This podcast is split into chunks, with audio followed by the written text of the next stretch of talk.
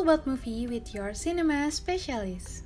Hello and welcome movie junkies to Cinemalogist Podcast. Podcast seru seputar dunia film bersama Disa pastinya. Cinemalogist Podcast sekarang hadir untuk menemani kalian dalam berbicara seputar film. Movie Junkies sebagai awalan gimana kalau kita bahas tentang hal-hal yang lagi rame sekarang nih. Biar seru coba kalian tebak. Nih spoilernya. Eits, tenang aja, ini gak spoiler alur filmnya kok.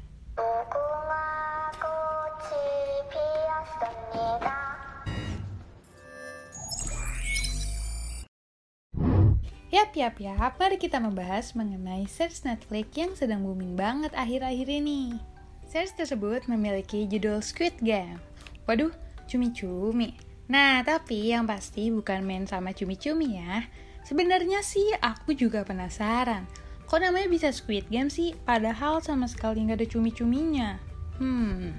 Nah, ternyata oh ternyata film ini mengambil judul dari permainan yang populer bagi anak-anak di Korea. Dalam bahasa Korea dinamakan Ojingegamu, yang berarti permainan cumi-cumi. Nah, permainan ini merupakan permainan yang dimainkan pada film ini, lalu ditranslate ke bahasa Inggris yang menjadi Squid Game. Pada game ini, peserta dibagi menjadi penjaga dan penyerang. Tapi, tapi, tapi, kok deskripsinya jadi kayak permainan anak-anak sih?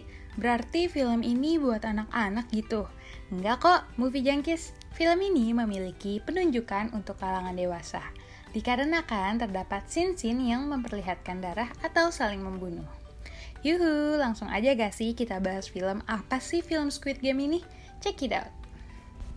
Squid Game menceritakan tentang Song Gi-hun yang diperankan oleh aktor Lee Jung Jae. Gi-hun adalah seorang pembisnis yang gagal dan terlilit hutang. Ia harus bercerai dengan istrinya dan berpisah dari putri satu-satunya. Tiba-tiba, Gihun mendapat undangan misterius untuk mengikuti permainan dengan tawaran hadiah sebesar 45 juta won. Ya, kira-kira kalau dikonversi ke rupiah, angka yang ditawarkan mencapai 500 juta rupiah movie junkies. Bayangin, hanya dengan main game kamu bisa dapat 500 juta rupiah secara cuma-cuma. Nah, pastinya ia pun bergabung dalam permainan survival tersebut dan menemukan berbagai kejadian yang tak terduga.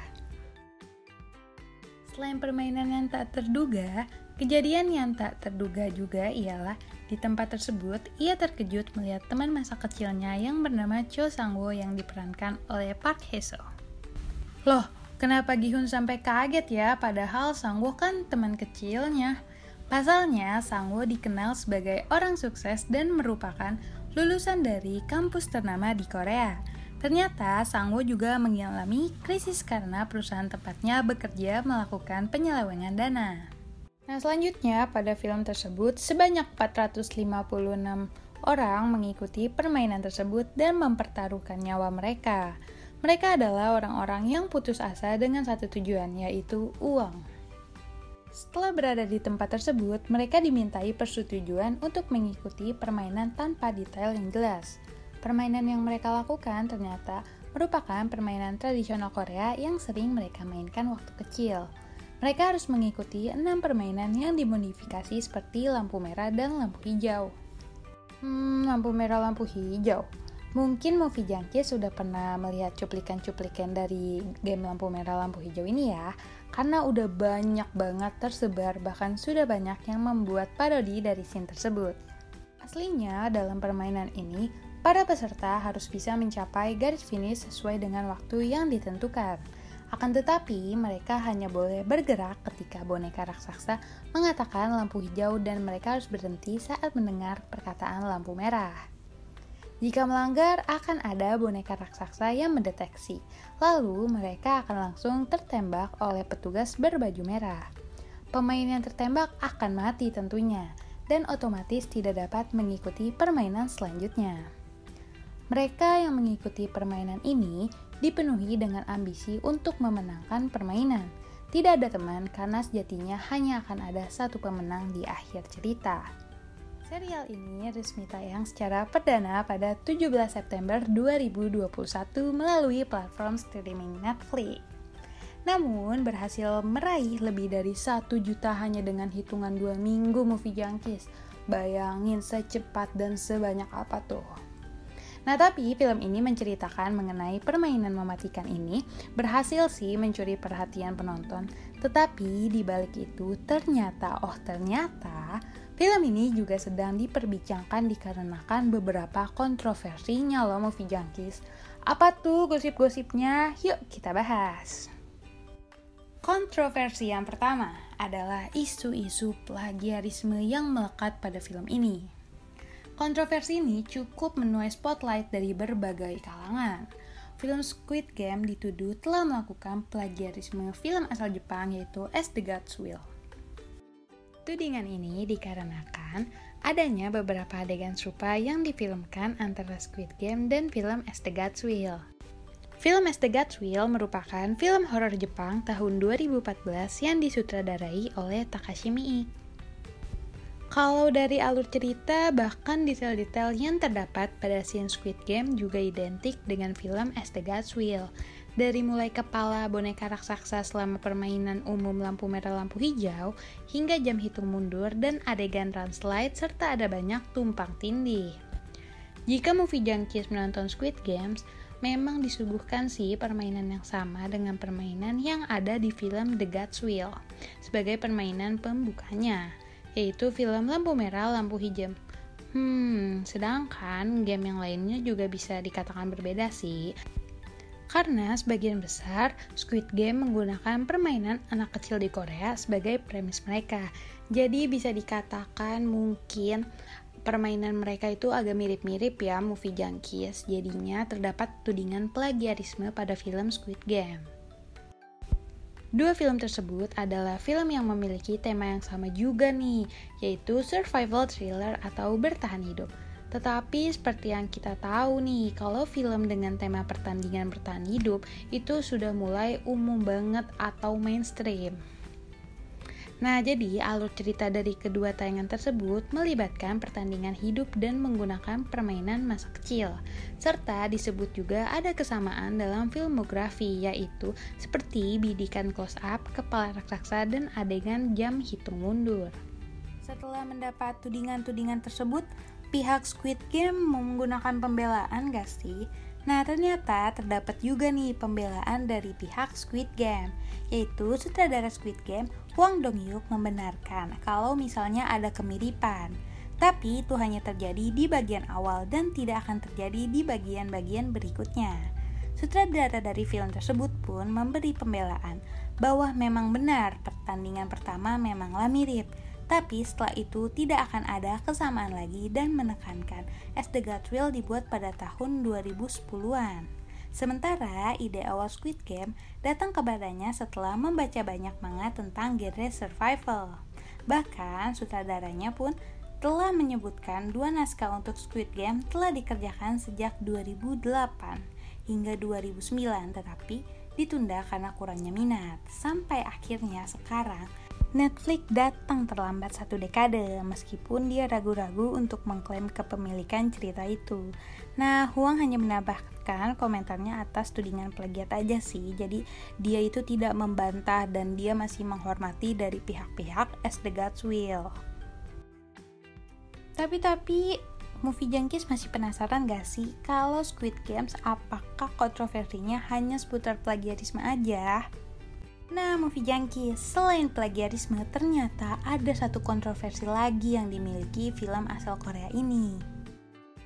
Kontroversi yang kedua yaitu kasus objektifikasi wanita. Pada film Squid Game juga menerima kritikan ramai karena sepertinya merendahkan kebolehan wanita di dalam drama tersebut.